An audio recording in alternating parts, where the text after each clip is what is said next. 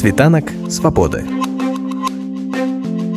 Świt wolności.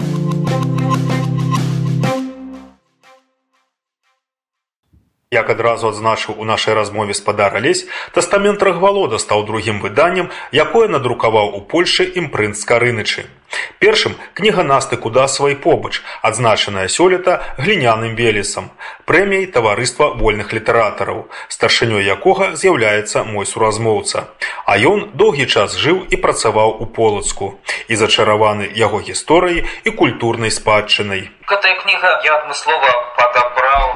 тэксты і творы, якія як бы распавядаюць пра полацак ад полацкага княства там да 21 стагоддзя. І гэта мастацкія творы, это апавяданне дэтэктыўнае апавяданне, якое так і называецца тэстамент рахвалода. Там падзеі адбываюцца на пачатку 20 стагоддзя. Галоўны герой ювелір полацкі Златкін, які скупае ў людзей всякія рэчы старажытныя якія там полацку знаходзілі а тады вельмі на пачатку 20 стагоддзя вельмі часта знаходзілі асабліва там весну калі двіна спадае вось этой павода і тады просто людзі збіралі хадзілі па беразе у пяску там шукалі розныя рэчы і вельмі часта знаходзілі такія прыхожыя ювелірныя вырабы старажытныя ну это златкін збірае і аднойчы ему прынеслі золотую пліту з нейкімі дзіўнымі надпісамі ён палічыў што гэта пліта это такая пласціна і ён там сярод надпісаў прачытаў торбальд как бы там і ён пралічыў што гэта так тэстамент гэтага славутага князя полацкага ну і все дэтэктыўныя гісторыі якая пачынаецца з гэтым таксама ў кніжцы два раманы якія былі паасобку апублікаваны раней захоп беларусі марсіянамі і сядзіба захоп беларусі марсіянамі гэты роман зараз гучыць на радыёрацыя я сам начытаў гэты роман і штодзень у будны дзень два разы там на дзень ён гучыць это была такая першая спроба моя ну, самому начытаць аўдыё аўдыёкнігу бо фонд камунікат летась зарабіў аўдыёкнігу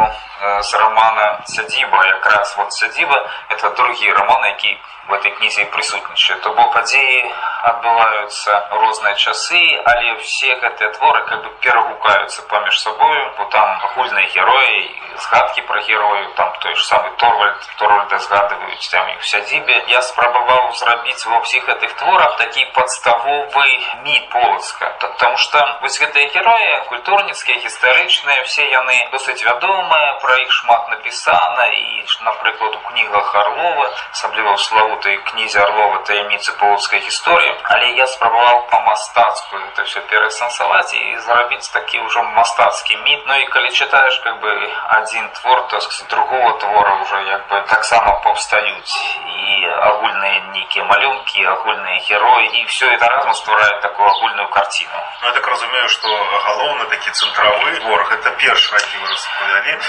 в этой кнізе ну я не ведаю тут я не сказал бы что есть нейкі цэнтравы твор просто ад гэтага твора узята назва для кнігі потому что у меня выходзіла кніга асобнымі выданнямі і захоп беларусі марсіянамі і сядзібы как бы то есть то бок кнігі з такими назвамі у меня уже ёсць і там как бы был вымушаны назваць гэтым апавяданнем хотя для мяне асабіста это найлепшы ну любімы скажем так твор это сядзіба бо гэта расповед про мою уласную сядзібу мы калісьці купілі прыватны дамок в такім раёне запалоцця прыватнай забудове тычна бачна сафійскі сабор это на самом беразе дзвяны вот там два крокі ад дома і уже схіл да дзвіны ну і там сапраўды адбываліся розныя дзіўныя рэчы часам містычныя і все гэта так пераплецена з гісторыяй і зроблена так что унутрі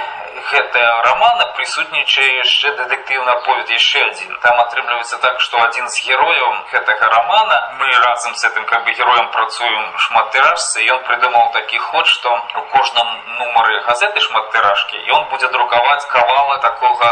дэтэктыўнага апавядання такого твора ён тлумачыць таму што ён такі ленаваты хлопец але калі ўжо пачне друкаваць этими кавалкамі то ён все роўна напіша бо будзе вымушаны дапісаць до конца вось как бы так атрымліваецца што в этом творы ён увесь час піша гэты дэтэктыўнае апавяданне у апавяданне таксама адбываецца на пачатку двадцатого стагоддзя там канва апавядання гэта пошукі кубка Стефана Баторыя бо падчас штурму Полацка калі войскі Стефана Баторыга атачылі Полацак і ніяк не маглі ўзяць гэты горад а там адзін з ваяроў он з Львоўшаны здаецца быў ну, здолеў падпаліць сцяну і гэта ўжо было тым дзеяннем той кропкаю што Полацак быў захоплены Стефана Баторы і вось гэты ваяр атрымаў падарунак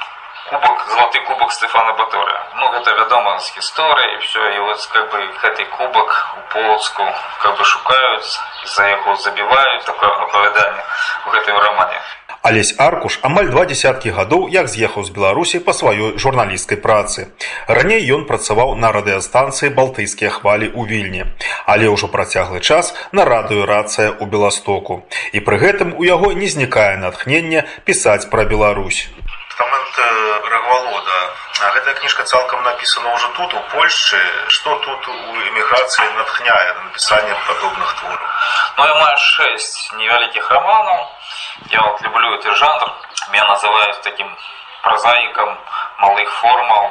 лаканічна з лаканічнага стылю все былі напісаныя тут у Польшчы на вуліцы звержанецкого беластоку тастамент рагвалода быў напісаны ў полацку гісторыя такая што ёсць такі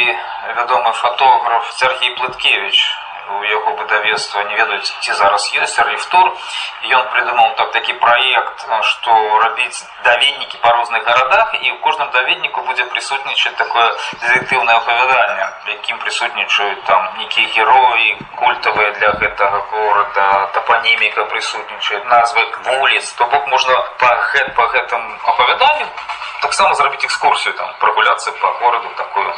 но ён мне быў замовіў про полацак я его напісаў і вось гэта было нулявых недзе там ну але как бы проект у яго штосьці не атрымался з гэтым проектам і гэта апавяданне мне лежало правда надрукавался ў часопісе калося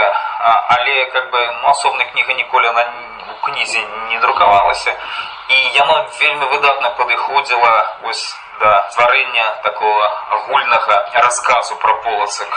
ну і ну, выдатна вот так атрымалася Канешне, как у Владимир Орлов кажа, што галоўным натхняльнікам застаецца для нас полацак з яго мітамі, з яго гісторыяй, з яго нейкімі там асобамі. Калісьці я у Владимир Орлова спытаў, калі выйшла там ягоная кніжка таямніц польскай гісторыі вот зараз найноўшая кніга айчына усе гэтыя кнігі спыняюцца на 19 стагоддзі я нават аднойчы запытаў у орлова ну а далей там ну, 20 стагоддзе, мы уже 21 живем, то как бы можно уже митологизовать и 20 стагоддзе. А он кажет, ну, ну не, я, я уже не буду как бы да, эту тему закранаць, это уже ты можешь писать про это. Как бы. И вот как бы вось гэтая книга... Я откры... Старшок тады зарабіў, так я Не, не Старшок, он так, можа, жартам это сказал. Але, але вот калі падумаўшы, якраз гэтая кніга, яна якраз про 20 стагоддзе. Тут шмат згадак про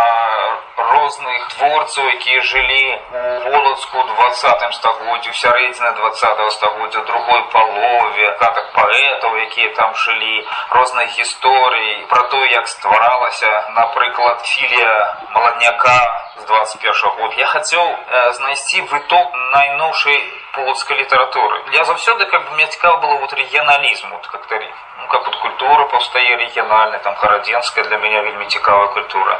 там іншая. А вот полацкая таксама вельмі асаблівая, прычом літаратуразнаўцы і славута такой пісьменніка Петра Васючэнкі, светлая памяць,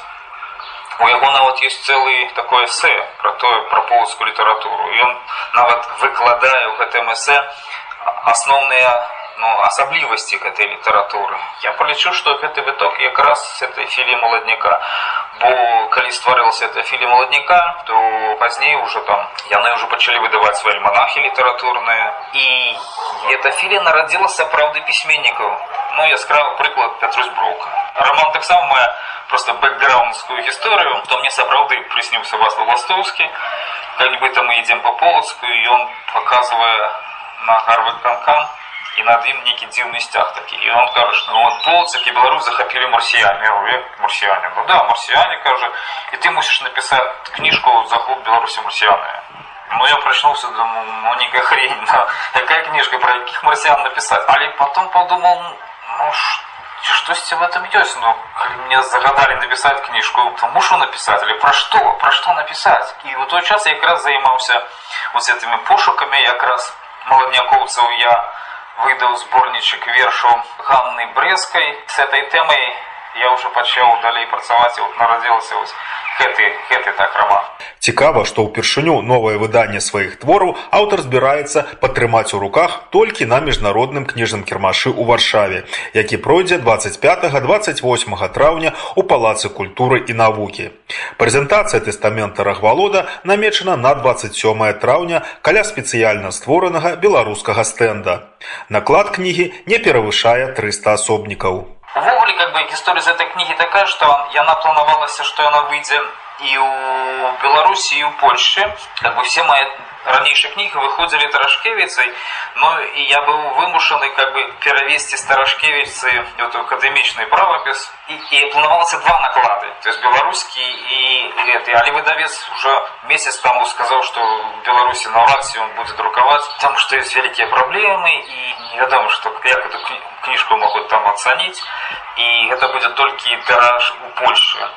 Ну а польские книги, наколькі я ведаю, там выдаюцца тиражом як бы 300 асобнікаў напэўна Світанак свабоды Świt wolności